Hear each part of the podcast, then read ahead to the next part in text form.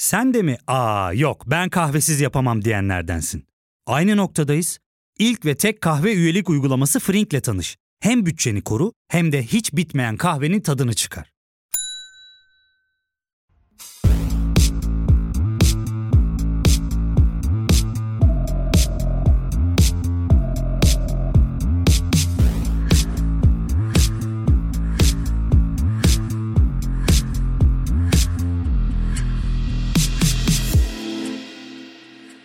Bebek daha doğmadan önce en çok sorulan sorulardan biri şudur. Kız mı oğlan mı? İkili cinsiyet rejimi henüz doğmamış kişilerin bile cinsiyetlerine takıntılıdır.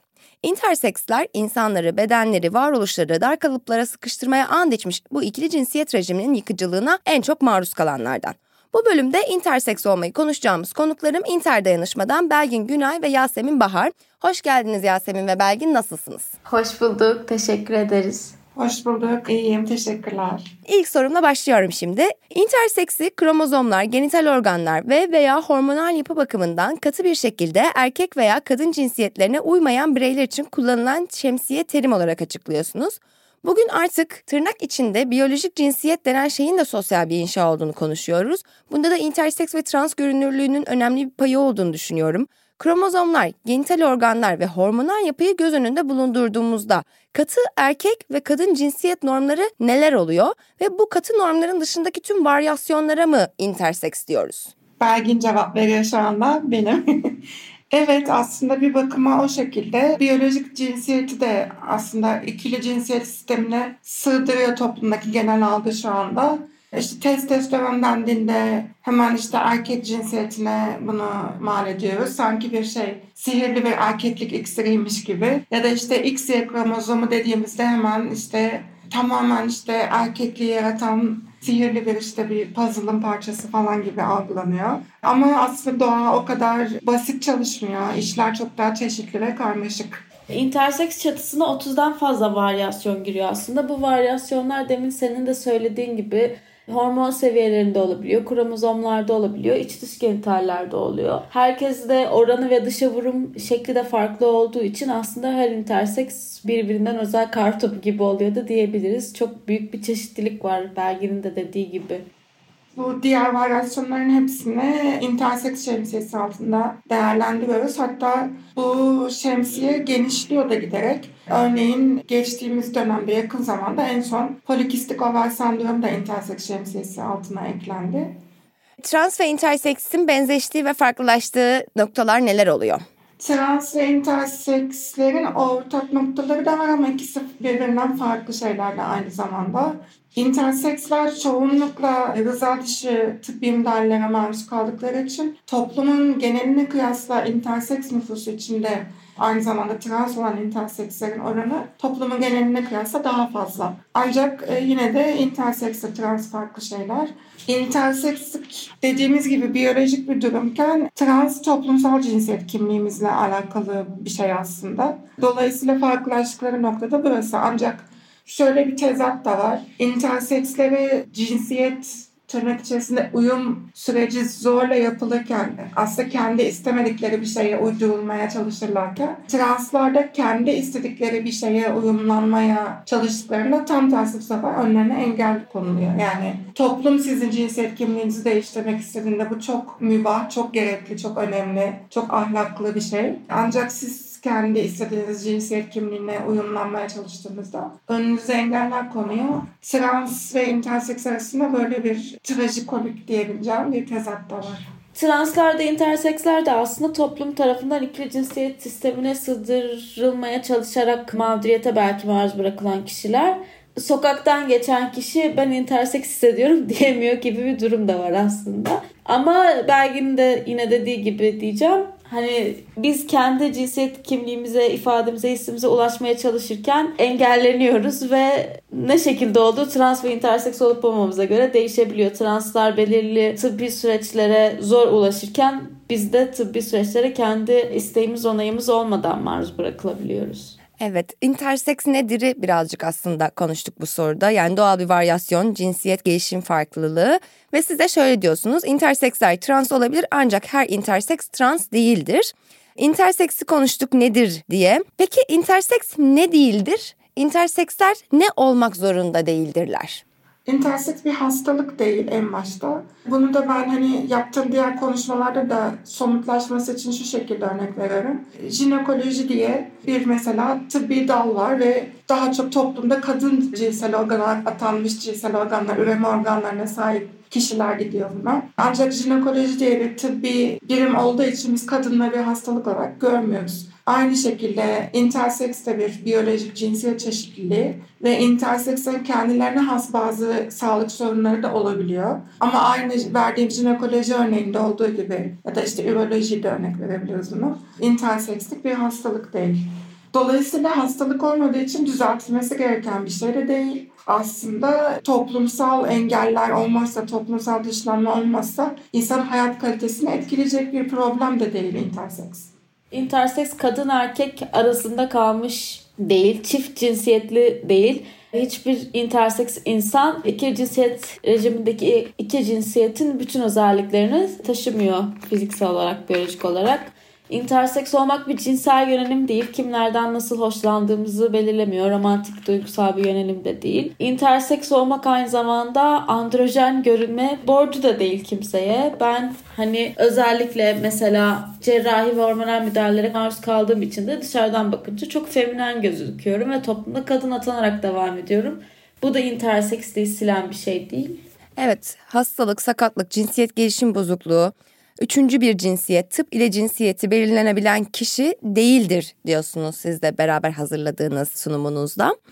Peki kişilerin interseks olduğu hayatlarının farklı aşamalarında görünür hale gelebilir deniyor. Bunu interseksin çeşitli varyasyonlarından örneklerle açıklar mısınız? Biyolojik anlamda konunun uzmanı olmadığım için doğrudan varyasyonlarla örnek veremem tabii ki ama örneğin doğuşta dış genital organlarda bir işte toplumsal normlara göre bir bariz bir görünüş farklılığı varsa bu daha erken fark edilebiliyor.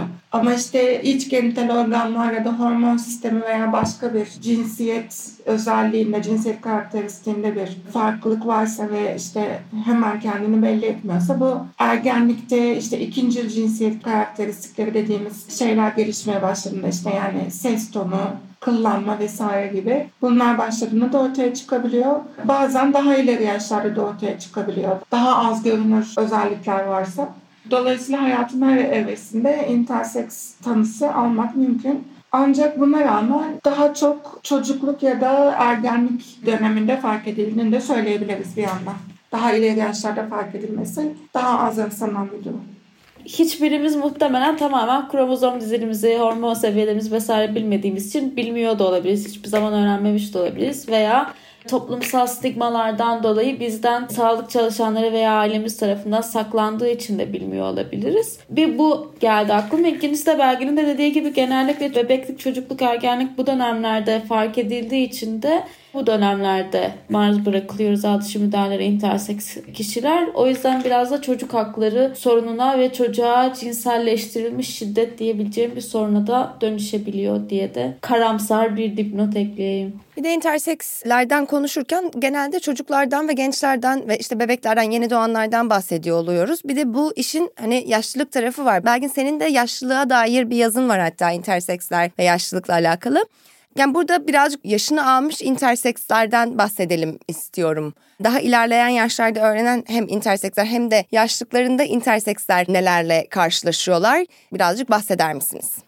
Aslında yaşlanan interseks ya da yaşlı interseks kavramı yeni bir şey. Şöyle interseksler insanlar var olduğundan beri var tabii ki her zaman aramızdaydılar. Ancak yapılan bu rıza dışı tıbbi müdahaleler 1960'lı yıllarla tıbbi teknolojinin gelişmesiyle başladığı için bu tıbbi müdahale öncesinde yaşlı bir interseksin herhangi bir başka yaşlı insandan bir farkı yoktu ve hani yaşlanan intersekslerin sorunları diye ayrı bir belki bir sorun dizisine sahip değillerdi tam anlamıyla. Dolayısıyla bugün bu sorunları yaşayan yaşlı intersekslerden bahsettiğimizde bu son 60-70 yılda çıkmış yeni bir nesilden bahsediyoruz aslında. Bu kişiler yaşadıkları rıza dışı tıbbi müdahalelerin travmalarıyla yaşlanıyorlar. Bu ekstra sorunlar getiriyor hem psikolojik hem fiziksel anlamda. Bu müdahaleler vücudumuzun kendi hormon sistemini ve diğer başka özelliklerini bozduğu için işte kemik erimesi ve başka tıbbi risklere bizi daha açık bırakabiliyor. Ayrıca hem yaşadığımız tıbbi travmalardan dolayı hem de tıbbi ortamlarda yaşadığımız dışlanmadan dolayı bir takım bilgilere erişmekte zorlanıyoruz. Ve yaşlanan ve interseks için kendi vücudu aslında tamamını keşfetmediği karanlık bir harita gibi olabiliyor. E, bu da yaşlanmayla birlikte gelen ölüm ve hastalık korkusunu daha da alevlendiren bir şey. Çünkü vücudunuzu tanımadığınızda e, nasıl sağlık sorunlarıyla karşılaşacağınıza da emin olamıyorsunuz. Bunlarla ilgili erken önlem alma şansınız da azalıyor. Çünkü zaten hani hastaneye doktora erişmek sizin için tetikleyici bir şey. E, eriştiğinizde de yine bilgi eksikliği, dışlanma gibi sorunlarla karşılaşabilirsiniz. Yalnızlık ve izolasyon yaşanan intersekslerin e, bir diğer problemi evlat edinme, evlenme ile ilgili ve işte resmi belgelerde cinsiyet değiştirme ile ilgili yeterli özgürlükler olmadığı için birçok interseks yaşlandıklarında aileleriyle de araları iyi olmayabiliyor bu arada. Yalnız kalma riskiyle karşı karşıyalar ve tıbbi sorunlar yaşadıklarında ya da ruhsal yalnızlık yaşadıklarında yardım alabilecekleri yerler çok azalabiliyor. Aynı zamanda interseks aktivizm hareketi, hak savunuculuğu hareketi, LGBT hareketi kadar eski bir köklü bir tarihe ve deneyim birikimine de sahip değil. Interseks komünitesi de hala o kadar geniş değil. Birbirini bulmak anlamında, dayanışmak anlamında. Dolayısıyla interseks yaşlıların en çok maruz kaldığı iki problem sağlığa erişim ve yalnızlık olarak özetleyebiliriz. Avrupa Birliği Temel Haklar Ajansı şöyle diyor. Bireyin kendisinin önceden tüm bilgilere sahip bir şekilde istekli ve kesin onayı olmadan yapılan, hayati olarak gerekli olmayan tıbbi müdahaleler beden bütünlüğü ve kendi kaderini tayin etme hakkının ihlali, dolayısıyla insan hakları ihlalidir. İntersekslerde tıbbi müdahalenin gerekli olduğu durum ya da durumlar neler olabiliyor? Öncelikle şunu söyleyebilirim. Interseks bebek ve çocukların biyolojik cinsiyet özelliklerindeki farklılıklarla ilgili veya ilgisi herhangi sağlık ihtiyaçları olabilir. Her bebeğin çocuğun sağlık ihtiyacı olabilir. Bunlar sık sık görünmez gelinebiliyor ve gerçekten aslında kişinin fiziksel sağlığı için önemli, anlamlı olan konulara odaklanılmaması yaşlılıkta da bir soruna dönüşebiliyor ya da ileriki yaşlarda. Belki bunu ekleyebilirim. Intersekslerde daha sık görülen ama sadece intersekslerde görülmeyen bazı durumlar var. Bunlar da kapalı idrar yolu ve konjenital adrenal hiperplazi. Umarım doğru söyledim. Bu durumlarda ameliyat gerekebiliyor. Belki şu dipnotu geçmek gerekiyor. Genellikle ameliyatlar bu durumlar sebebiyle olmuyor. Tamamen bizim kozmetik dediğimiz fiziksel olarak gerekli ve acil olmayan sebeplerle oluyor. Hatta interseks kişinin ve yaşı yetmediği durumlarda ailesinin de aydınlatılmış onam almadığını görüyoruz. Hani 2019 yılında Avrupa'da bir araştırma vardı. Ailelerin veya interseks kişinin yaşı yetiyorsa kendisinin yarısı diyor ki bu ameliyatın sebebini bilmiyorum. Risklerini bilmiyorum. Hani alternatifleri olsaydı ne olurdu? Ameliyat olmasa ne olurdu? Bunların hiçbirini bilmiyorum. Üçte ikisi de diyor ki ben niye hormon aldığımı bilmiyorum ya da çocuğumun niye hormon aldığını bilmiyorum. Bunlar çok yüksek oranlar bence. Tabii ki ameliyat gerektiren durumlar da olabilir. Bunları da hani örneklendirdik biraz önce. Kapalı idrar yolu ve tuz kaybıyla halk arasındaki e, adıyla ama hani genellikle bu sebeplerle olmadığını ve bunları bu sebeplerin de çok her intersekste görülüyor gibi bir durum olmadığını hatta her varyasyonda bile sık sık görülmediğini hatırlatmak lazım belki. Şimdi o kısma geçiyorum. Intersekslerin beden bütünlüğüne yapılan hangi müdahalelerle intersekslerin kendi kaderlerinin tayin hakkı ihlal ediliyor? Bu müdahalelere, ihlallere ne gibi gerekçeler daha doğrusu bahaneler sunuluyor? En yaygın olan müdahaleler vajinoplasti olabiliyor. Klitorisin küçültülmesi, ilmemiş testislerin alınması. Bu cerrahi müdahalelerin yanı sıra hormonal müdahale de yapılıyor. Ee, hormon replasmanıyla, hormon ilaçlarıyla. Doktorlar daha çok kız olarak atamayı tercih ediyorlar interseks çocukları. O neden?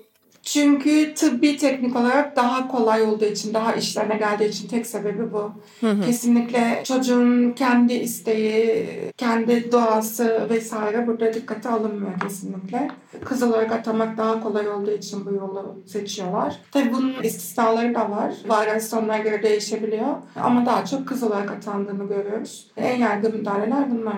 Feminizasyon, maskülinizasyon altına bir sürü ameliyat giriyor ve Belgin'in de dediği gibi genellikle bu feminizasyon ameliyatı oluyor. Hem tıbbi sebeplerden kesinlikle öncelikle dolayı belki ikinci bir sebebi de hani ikili cinsiyet sisteminde olduğumuzu düşünürsek kız ya da kadın bedeninin daha değersiz görülmesi ve belki de o interseks bedenleri erkek bedeninin değerli görülmemesi, atfedilememesi de olabilir gibi bir yerden de düşünüyorum ben en sık gösterilen gerçek sebepler işte evlenemez, çocuk doğuramaz, aile kuramaz, toplum içinde yadırganır, dışlanır, farklı bulunur oluyor. Ameliyat yapmak için tabii ki bunlar gerekçe gösterilemediği için de kanser riski denebiliyor. Ama gerçekte baktığımız zaman yaklaşık 50 yıldır 60 yıldır bunun üzerine araştırma yapılıyor ve hala evet kanser riski daha yüksek denilemiyor şu şu şu varyasyonlarda intersekslerin altında.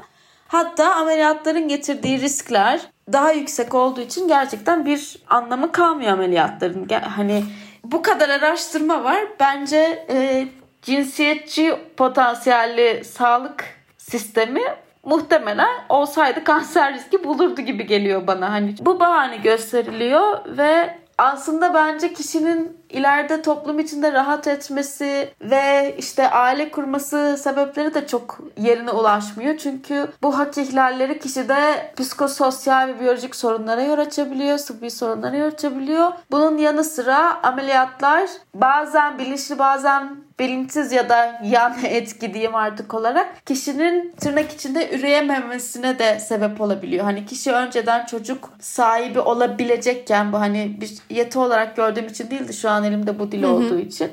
Ameliyatlar sonrasında çocuk sahibi olamayacak bir duruma da gelebiliyor. O yüzden aslında aile kurma vesaire ya da kişinin iyiliğini, toplumdaki rahatını düşünme sebepleri de çok inandırıcı gelmiyor bana. Önce toplumu çarpıt çarpıt saçma sapan bir yer haline getir. Bunu değiştirmek için hiçbir şey yapma ama ondan sonra insanların bedenlerine tabiileştirilmiş müdahalelerde bulun gibi bir böyle saçma sapan bir şeye denk geliyor hakikaten. Peki doğum öncesi müdahalelerde olduğunu okudum. Bununla alakalı söyleyecekleriniz var mıdır? bu tartışmayı ben başlattım. Şimdi Türkiye'de çok sık olmuyor. Yurt dışında da giderek azalıyor. Ama doğum öncesi ek testlerle özellikle bazı varyasyonlar, kromozomları etkileyen varyasyonlar vesaire tespit edilebiliyor ve kürtaj önerilebiliyor. Bu sadece intersekslerin yaşadığı bir sorun değil. Birçok engelli kişinin de yaşayabileceği bir durum doğum öncesi tespit edilmesi ve kürtaj önerilmesi. Yani tıbbın ülkemizdeki durumunun avantajı mı diyeyim artık hani yarı şaka bir şekilde. Ülkemizde çok sık görülmese de gerçek bir problem yine bizim bedenlerimize verilen değerin ikili cinsiyet sistemine sığmadığımız için daha az olduğunu da belki gösteren bir problem aslında prenatal tanı dediğimiz bu doğum öncesi tanılama mesela Down sendromu için Türkiye'de yaygın şekilde yapılıyor diyebilirim. Kendi ufak kuzenlerim doğmadan önce de işte onların annelerine yapılmıştı. Ama interseks görünürlüğü herhalde daha az olduğu için, daha az bilindiği için interseksle ilgili böyle bir tarama yapılmıyor Türkiye'de yaygın şekilde diyebiliyorum. Ancak yurt dışında çok yaygın. Özellikle Yunanistan'dan hani anonim olarak ismini vermeden anlatacağım bir vaka durumunda anne işte hamileliğinde kontrol için gittiğinde hastane kürtaj öneriyor bebeğin interseks olduğunu söyleyerek anne kürtajı olmak istemediğini belirtiyor. Hastane ise doğumu o hastanede yapamayacağını söylüyor bunun üzerine anneye. Yani siz kürtaj olmayacaksanız doğumu da burada yapamazsınız diyerek kendi yaşadığı şehirden kilometrelerce uzakta başka bir hastaneye gitmek zorunda kalıyor anne doğumu yapabilmek için. Çocuk doğduktan sonra anaokuluna girerken, ilkokula girerken vesaire de bir bir sürü problemle karşılaşıyorlar. Özellikle Avrupa'da bu prenatal tanı ve kürtaj tavsiyesi ne yazık ki yaygın bir şey. Peki mesela intersex dostu, müttefiki doktorlar da var mı? Tıbbileştirildiği dönemden beri reddeden ya da daha sonra reddeden herhangi bir müdahalede bulunmayı, hani bu doktorla yola devam etmek iyi olur diyebileceğimiz vesaire bu tarz doktorlar da var mı? Tıbbi bilginin verdiği hiyerarşik bir üstencilikle aslında söz geçiriliyor ve yani doktor oradaki konumunu birazcık kullanabilir. Bunu şeye de yani bir müttefik olarak da kullanabilir yoksa tamamen müdahalede bulunmak için de kullanabilir. Herkes bu sürece girişiyor mu? Örneğin genitallerle alakalı feminizasyon ya da maskülinizasyon dediğimiz müdahalelere. Doktorlar da burada farklılık gösteriyor gerçekten interseks müttefiki olup bunu bir hak savunucu olarak yürüten doktorlar da var. Bu sayısı en az olan grup ne yazık ki. Ve özellikle Amerika'da filan daha çok. Bu doktorlar mesela kendi çalıştıkları hastanede rıza dışı interseks ameliyatlarının yapılmasına engel de olabiliyorlar. Böyle bir değişim etki yaratabiliyorlar ve hak savunuculuğu yapıyorlar açık şekilde. Bunun yanı sıra başka bir grup doktor da ileride başına iş açılırsa işte bir malpraktis davası açılırsa vesaire işte çocuk büyüdüğünde ya da ailesi bir dava açarsa başına iş açılmasın diyerek çekinerek bu ameliyatları yapmaktan imtina edebiliyor ya da daha sınırlı, daha farklı şekilde yapmaya çalışabiliyor. Bunlar hani özellikle büyük şehirlerdeki tıp fakültelerinde falan bu doktorların son yıllarda arttığını duyuyoruz. Bunlara interseks müttefiki diyemeyiz tam olarak. Belki hani yine üsttenci yaklaşıyorlar ve aslında yapılan müdahaleleri yanlış da bulmuyorlar. Sadece hani onlarca yıl e, bir malpraktis davasıyla uğraşmamak için falan bu işe girişmiyorlar ya da sınırlı yapıyorlar. Bunun dışında sadece gelişmemiş ülkelerde ya da gelişmekte olan ülkelerde değil, gayet işte hani çok böyle gıptayla baktığımız Avrupa ülkelerinde, Amerika'da vesaire bu müdahaleleri çok yoğun bir şekilde yapan, üstüne üstlük müdahale ettiği interseks çocuklara, e, ergenlere cinsel şiddet uygulayan, istismar uygulayan doktorlar da var. İşte ameliyattan sonra cinsel performansının ne şekilde etkilendiğini ölçmek için gibi bahanelerle vesaire doğrudan doğruya e, interseks bireye cinsel şiddet uygulayan doktorlar da var. Böyle çok kötü örnekler de mevcut ne ki.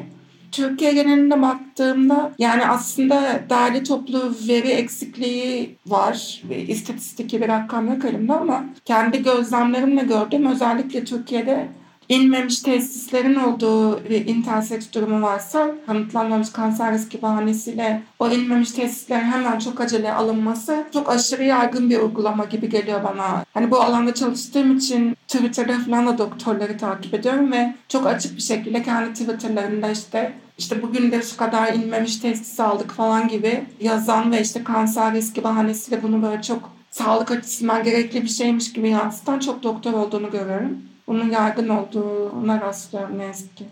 Belgin'in dediği gibi hem hükümetlerin hem sağlık kuruluşlarının hem sağlık çalışanlarının yurt dışında tazminat ödemesi gerçekten belki sağlık kurumlarının ve çalışanların müttefikimiz yapmasa da interseks ameliyatlarının ve hani hormonal müdahalelerin azalması konusunda iyi bir ufak adım olmuş oldu ve örne iyi bir örnek olmuş oldu bunların hepsi. 10 küsur yıldır çünkü çeşitli tazminatlar görüyoruz interseks kişilerin valilerinin aldığının. Ama Avrupa'da bizim hani anladığımız kadarıyla interseks olduğu bilinen çocukların %80'i hala ameliyata maruz bırakılıyor gerekli ve acil olmayan. Bu çok yüksek bir oran. Bir de senin Hazal yorumundan şu aklıma geldi. Birkaç Avrupa ülkesine bakılmıştı sadece ve yine içinde Türkiye yoktu ama bir istatistiğe göre ebeveyne verilen bilginin medikalize edilmesi, hani interseks olmanın kendisini medikalize etmesi, ebeveynlerin ameliyatı onay verme oranını 3 katına çıkardığı gibi bir veri vardı. Bu da çok yüksek bir oran. O yüzden doktorlar gerçekten önemli. Türkiye'de şöyle birkaç sorun var. Kurumsal paydaşlar, müttefikler değil, daha bireysel sağlık çalışanlarıyla ilişkilenebiliyoruz. Hani Dolayısıyla onlar hastaneden ayrıldığında, onların başına bir şey geldiğinde o ilişki ve o destek kopabiliyor. Bir de öte yandan şöyle de bir sorun var. LGBT artı nefreti politikası arttıkça LGBT artı kapsayıcı hizmet vermeye çalışan doktorların maruz kaldığı tehditler, şiddetler sorun da arttığı için o açıdan da paydaşlarımız ya da paydaşlarımızla yapabileceklerimiz azalıyor. Ben Türkiye'de bir intersex ailesine ne önerirdim onu çok kısa söyleyeyim. LGBT artı ailesi derneklerine, psikososyal danışmanlık veren LGBT artı derneklerine ulaşması. Bir de ikilik dışı cinsiyet konusunda bir birikimleri, eğitimleri olduğunu umabildiğimiz için trans uyum sürecine destek olan hastanelere belki gitmeyi eğer imkanları varsa tercih edebilmeleri diye genel bir önerme yapabilirim. Ya fark ettin mi? Biz en çok kahveye para harcıyoruz. Yok abi, bundan sonra günde bir. Aa, sen Frink kullanmıyor musun? Nasıl yani? Yani kahvenden kısmına gerek yok. Frink'e üye olursan aylık sadece 1200 TL'ye istediğin çeşit kahveyi istediğin kadar içebilirsin. Günlük 40 TL'ye sınırsız kahve mi yani? Çok iyiymiş. Aynen. Hatta şu anda 200 TL'lik bir indirim kodu da var. E hadi hemen indirip üye ol da bu fırsatı kaçırma. İntersekslerin beden bütünlüklerine yapılan müdahalelerin ne gibi sonuçları oluyor? Sıklıkla maruz kalınan hak ihlalleri neler? Bunu yani hem psikoloji hem aile yaşamı, eğitim hayatı, yasal tanınırlık, finansal güçlükler, barınma sorunları gibi birbirine bağlayarak çoklu bir şekilde, uzun bir şekilde konuşabiliriz diye düşünüyorum. Belki hani daha böyle küçük yaşlardan başlayarak gibi bir yerden nasıl gitmek isterseniz bu sorunun cevabında paslaşa paslaşa konuşalım kapsamlı bir konu demiştim bu müdahalelerin sonuçları ve hem ruhsal hem fiziksel anlamda sağlık sorunlarına yol açabiliyor. Bu sağlık sorunları dışlanma ile birlikte çocuğun eğitimden e, geri kalmasına yol açabiliyor.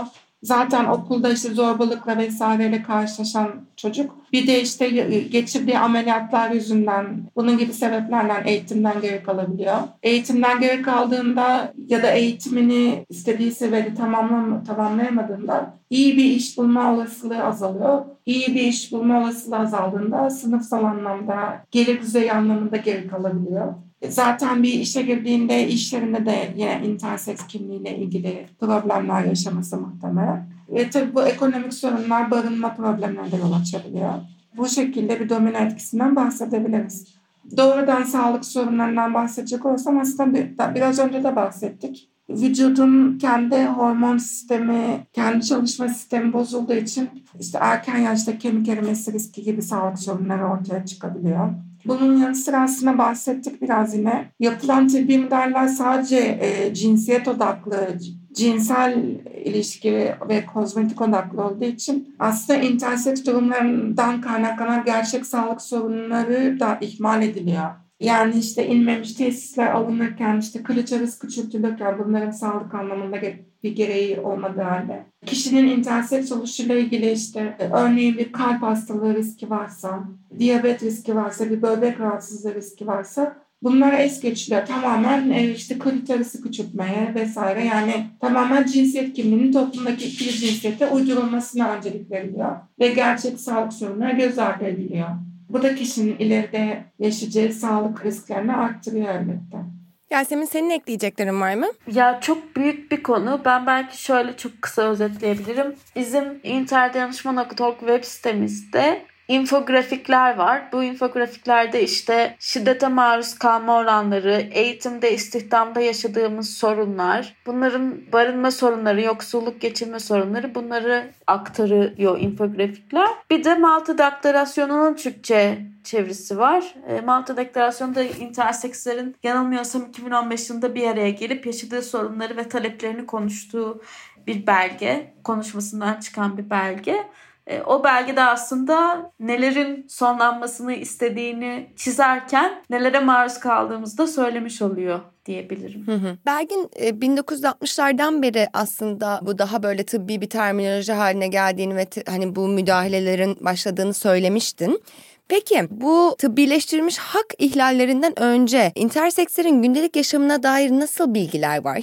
Yani bu 60'lardan önce bu müdahaleler vesaire olmadan önce yani toplumsal o baskıyla alakalı kısmı tahmin edebiliyorum o yine ikili kalıplara sığdırılma, sıkıştırılma ile alakalı olanları da tahmin edebiliyorum. Ama hani ne oluyor tam olarak? Bununla alakalı eldeki bilgiler neler? Ee, birazcık bundan bahsedebilir miyiz 60 öncesindeki zamanlarda intersekslerin gündelik hayatlarından?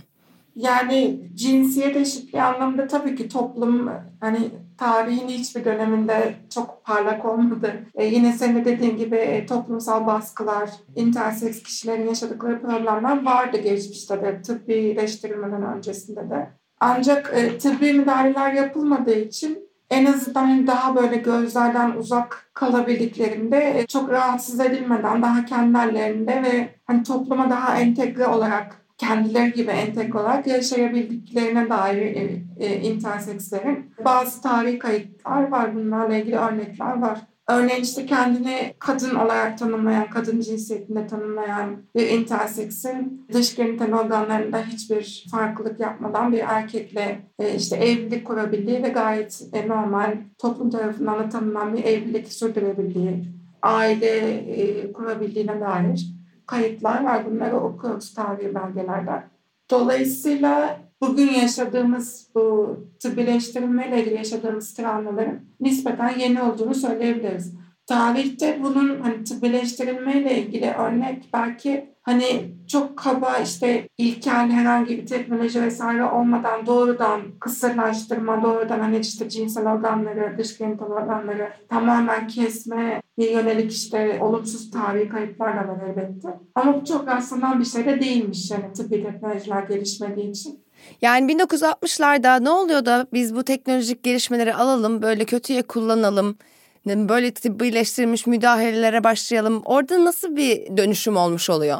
John Money diye bir şarlatan doktor var. E, aslında kendi cinsiyet teorisini kanıtlamak için interseksleri kullanıyor diyebiliriz. Hani cinsiyeti tamamen dış müdahalelerle değiştirilebileceğini düşünüyor. Aklına böyle bir fikir geliyor ve bunu göstermek için endoseks insanları olduğu gibi interseks kişileri de kullanıyor ve bu ameliyatların aslında çerçevesini o çiziyor, o başlatıyor ve o çiziyor. Ve 2000'li yılların başlarına kadar da onun çizdiği çerçeveyle yapılıyor bu ameliyatlar ve müdahaleler. 2006'da işte çocuk endokrinolojisi, pediatristler vesaire gibi bu konuyla ilgilenen uzmanlar bir araya gelip işte hani bu prosedürü artık birazcık modernize edelim. Bu John Money'nin başlattığı şekilden farklılaştıralım diye bir araya gelerek 2006'da Chicago Konsensus'unu oluşturuyorlar ama bu da intersekslerin lehine bir durum ortaya çıkarmıyor pek fazla. Bu şekilde tamamen John Money dediğimiz şarlatan doktorun başlattığı bir akım diyebiliriz ve sonrasında da devam ediyor bu.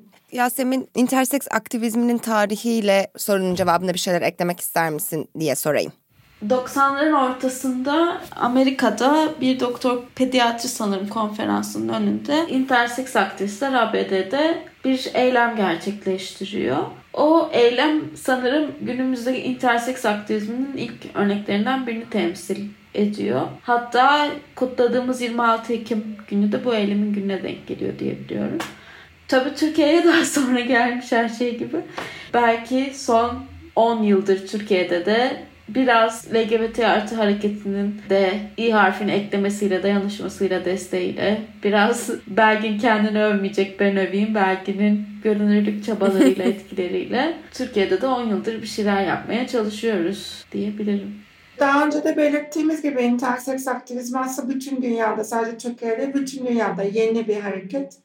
Ama yavaş da olsa olumlu bir şekilde büyüdüğünü ve geliştiğini görüyoruz. Interseks görünürlüğünün yavaş yavaş da olsa arttığını görüyoruz. Medyada interseks temsilinin en azından yurt dışında da olsa biraz daha artmaya başladığını ve olumlu hale gelmeye başladığını görüyoruz. Önümüzdeki yıllarda da bu şekilde devam etmesini umuyoruz. Bir taraftan tabii interseks aktivizminin çabalarıyla interseks hak savunucuları sayesinde bazı ülkelerde kazanımlar da elde ediliyor.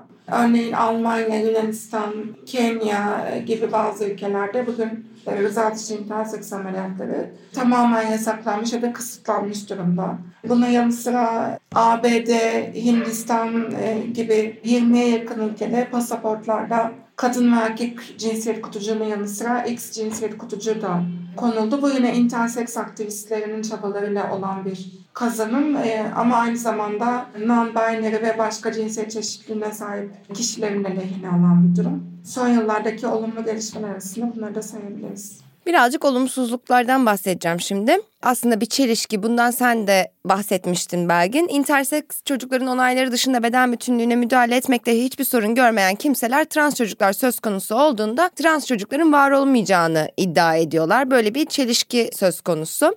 Peki interseks neden bir çeşitlilik olarak algılanmıyor? Interseksler tüm çeşitlilikleriyle var olduklarında ne olacak? Ne olacağından korkuluyor dersiniz. Yani aslında ikili cinsiyet sistemine doğuştan karşı gelen bir olgu olduğu sanılarak korkuluyor sanırım interseksten.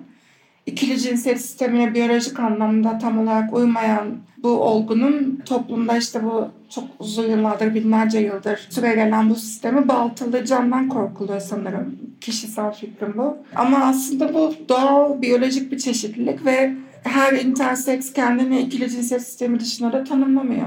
Kendini erkek olarak tanımlayan, kadın olarak tanımlayan, heteroseksüel olarak tanımlayan interseksler de var aslında ve bununla alakası yok aslında durumun. Hani başlıca korkunun bu olduğunu düşünüyorum. Belki hani toplumda nispeten daha az rastlanan bir durum olmasına yarattığı bir korku da olabilir ama rakamlara baktığımızda az rastlanan bir durum da değil öte yandan. Tahminen dünya nüfusunun %2'sini oluşturduğu tahmin ediliyor intersekslerin ve bu kızıl saçlı ya da yeşil gözlü kişilerle aynı rakam ve aslında 10 milyonlarca kişiye denk geliyor ve az bir rakam değil. Mesela Türkiye nüfusuna oranladığınızda işte yüz binlerce belki bir milyon belki daha fazla interseks olduğu anlamına geliyor. Dolayısıyla bunu az rastlanan bir şey olarak görüp hani böyle çok marjinal bir şey olarak görüyor olmak da saçma bir şey. Bergin'in dediği gibi ben de biraz ikili cinsiyet sistemini sarstığımız için bir korku olduğunu düşünüyorum. Yani ikili cinsiyet sisteminin varlığı bana şey düşündürtüyor. Hani bir gruba tahakküm kurabilmek için önce o grup oluşturmak gerekiyor. Bölüştürmek gerekiyor bir şekilde. İşte kadın erkek diye mesela ikiliye ayırmak. Ve o kadın ve erkek arasındaki farklılıklara vurgu yaparak birini daha üstün kalmak ve bunu devam ettirmek. Biz de ya aslında iki tane grup yok dediğimiz zaman diğer adımlar da çökebiliyor gibi hissediyorum. E kim kime tahakküm edecek o zaman ha? Evet. Düşülüyor değil mi o boşluğu? Evet. O yüzden ne güzel gelin beraber yıkalım bir şeyleri.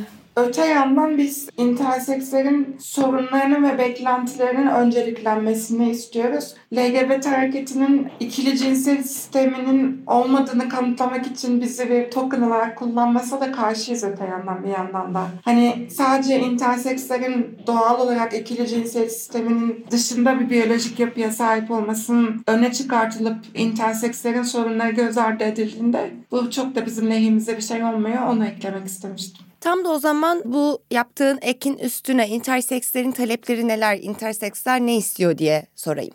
Okey. Yasemin de bahsetmişti biraz önce. Ee, Malta Deklarasyonu var 2013'te oluşturulan tamamen interseks hak savunucularının bir araya gelerek oluşturduğu. Ve bu deklarasyon aslında hala güncelliğini koruyor ve intersekslerin talepleriyle ilgili genel bir çerçeve çiziyor bize. Ve burada güncelliğini kaybetmiş bir madde de yok. Hala aynı sorunlar devam ediyor dünya genelinde ne yazık ki resmi belgeleri değiştirme hakkının hala olmaması pek çok ülkede kolayca değiştirme hakkının olmaması resmi belgelerde kendimizi interseks olarak kaydettiremiyor olmamız bunun düzeltilmesi yani bir talep. Tabii ki en öncelikli talep rıza dışı interseks ameliyatlarının durdurulması aile kurmak, evlenmek, çocuk sahibi olmak, çocuk edinmekle ilgili engellerin kaldırılması taleplerimizden de diğeri. Interseksler için dayanışabilecekleri, kendilerini rahatsız edebilecekleri güvenli ortamlar, interseksliğin kutlandığı güvenli ortamlar oluşturulması taleplerimizden bir tanesi.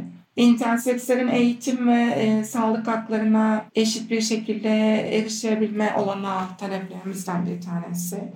Ben de çok kısa özetleyeyim belki. Rıza dışı gerekli ve acil olmayan cerrahi ve hormonal müdahalelerin son bulması, mümkünse kimliklerde cinsiyet ibaresinin hiç olmaması ya da resmi belgelerde, intersekslere ve ailelerine medikalize edilmemiş doğru güncel bilgilerin verilmesi bu konu hakkında. Intersekslere ve ailelerine psikososyal destek, akran desteği sunulacak alanların arttırılması benim de aklıma bunlar geldi. Ebeveynlerin interseks farkındalıklarını nasıl artırabileceğine dair Yasemin daha öncesinde bir şeyler söylemişti. Benim de bir sonraki sorum buydu. Ee, şöyle o zaman sorayım. Yani ebeveynlerin bu tıbbi müdahaleleri yani daha henüz intersekslerin çocuk oldukları ve işte 18 yaş altı oldukları durumlarda ve kararın ebeveynlerle belki beraber verildiği yerlerde reddetme seçenekleri var mı? Yani bu tırnak içerisinde normalleştirme operasyonlarının kararını yine ebeveynler mi veriyor? Burada bir tıbbileştirilmiş bilgi verilerek aslında orada bir tahakküm kurulduğunu ve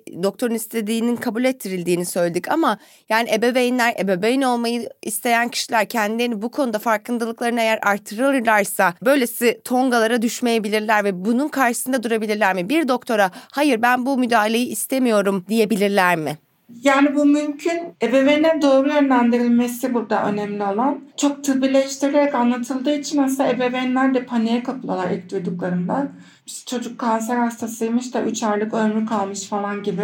Özür diliyorum bu arada tetikleyici bir şey söylediysem direkt kanser örnek vererek. Bu paniğe sevk edebiliyor aileleri. Ee, bunun doğal bir çeşitlilik olduğunu ve çocukta ciddi bir sağlık sorununa yol açmayabileceğini ve ebeveynlerin ve çocuğun karar verme hakkı olduğunu çok iyi anlatmak lazım ailelere. Ee, ailelerin bu süreç boyunca çok uyanık olmaları ve çok soru sormaları gerekiyor hiç utanmadan, çekinmeden, sakınmadan medenice bir şekilde tıbbi sürecin her aşamasında soru sorarak bilgi almak istemeleri lazım. Yeterince bilgi sallanmıyor ebeveynlere. Birazcık korkutarak, birazcık kafaları karıştırarak aslında alelacele onayları alınıyor. Kendi deneyimden örnek verecek olursam bana yapılan rıza dışı müdahalede ben işte narkoz verilip ameliyat alındıktan sonra işte inmemiş tesislerin alınması için ben içeride ameliyattayken annemle babamın önüne işte klitorisimin de küçültülmesine rıza vermelerine dair bir kağıt verilip bunu imzalayın denmiş. Düşünün artık bana serumlar bağlanmış, narkoz verilmiş, ameliyat masasına yatırılmışım inmemiş tesislere müdahale edilmiş, açılmış vesaire. Bu noktada gelip bir de işte bir de klitorisinde küçültelim işte böyle büyük bir klitorisle evlenemez zor olur hadi bunu da yapalım imzalayın diye böyle bir, bir iki dakika içinde bir karar vermeleri bekleniyor ebeveynlerden ve bu çok dayatmacı ve hani yangından mal kaçırır gibi aceleye getirilen bir rıza alma şekli. Burada kesinlikle bir bilgilendirme yok aslında bunun gerekliliğine dair ve hani tıbbi de değil yapılan şey çok büyük bir saçmalık var ortada. Dolayısıyla ailelerin psikososyal destek alması ve bu süreçte doğru yönlendirilmeleri ve hastanedeki hem kendilerinin hem çocuklarının haklarını çok iyi bilmeleri, çok iyi öğrenmeleri çok önemli bir nokta. Belgin'e katılıyorum. Bence şöyle bir hedef de var. Aileler yani toplum ilk kez o an interseks kelimesini ya da doktor belki interseks kelimesi bile kullanmayacak. Varyasyon ismini kullanacak örneğin Turner sendrom kelimesini daha önce duymuş olursa o korku, şok duygularının da azalabileceğini düşünüyorum. O yüzden hani bu toplumsal farkındalık da gelecek nesil interseksler için bir adım gibi geliyor. Onun dışında gerçekten o hasta hakları denilen hakları da öğrenmek lazım. Sadece interseks nedir ne değildir değil belki o an aile olarak. Çünkü Türkiye'de aslında bunu sağlayan mevzuatlar var. Ama bilmek ve uygulattırmak lazım. Peki nasıl interseks müttefiki olabiliriz? İlk önce kendi farkındalığımızı, bilgi, bilgimizi arttırarak interseks müttefiki olabiliriz. Interseksler adına konuşmamak, onlarla birlikte hareket etmek önemli. Intersekslerle ilgili bir etkinlik yapacaksak, bir yerde konuşacaksak vesaire bunu interseks hak savunucularıyla işbirliği içinde yapmak en doğrusu elbette. Bunu aslında toplumun hayatın her alanında yapabileceğimiz bir şey. Ne bileyim komşumuza, iş arkadaşımıza vesaire interseksle ilgili bilgi verebiliriz. Ee, bununla ilgili yanlış bir bilgi duyduğumuzda bunu düzeltebiliriz. Bizim web sitemiz var interdayanışma.org. Orada herkesin bilgilenebileceği kaynaklar ve rehberler var. Türkiye'de şu anda tıbbileştirilmemiş, e, interseksle ilgili tıbbileştirilmemiş Türkçe kaynakların en çok olduğu web sitesi oradan ulaşabilirler. Sosyal medya hesaplarımızı takip edebilirler. En önemli adımı kendi farkındalıklarını yükseltmeleri önce, öncesinde. Sonrasında ise toplumdaki farkındalığı yükseltmek için aslında çalışmaları ve internet görünürlüğünü arttırmak için destek vermek de çok iyi bir müttefiklik örneği olacaktır.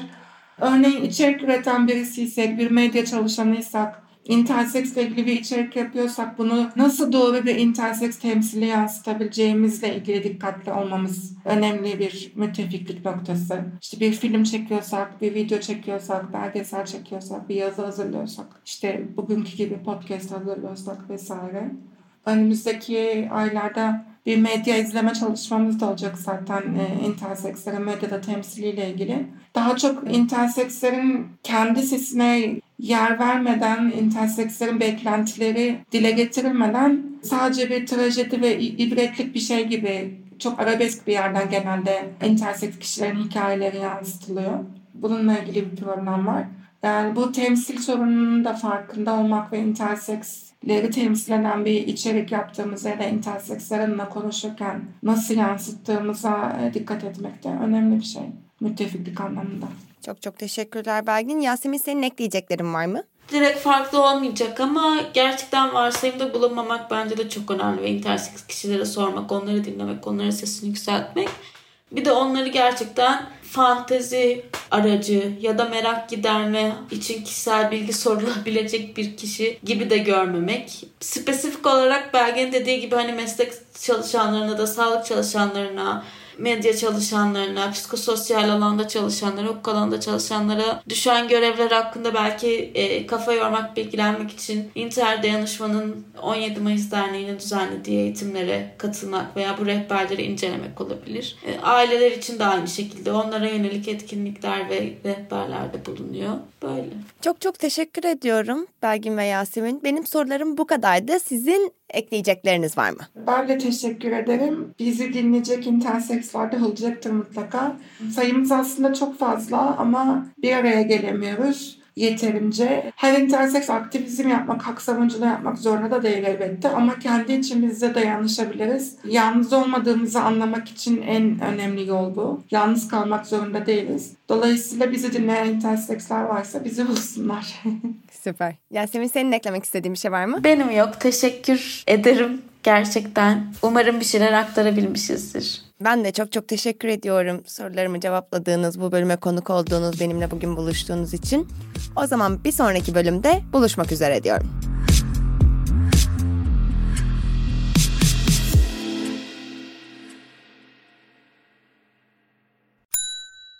İlk ve tek kahve üyelik uygulaması Frink, 46 ildeki 500'den fazla noktada seni bekliyor. Açıklamadaki kodu girerek sana özel 200 TL'lik indirimden faydalanmayı unutma. Hadi sen de Frink üyeliğini başlat, kahven hiç bitmesin.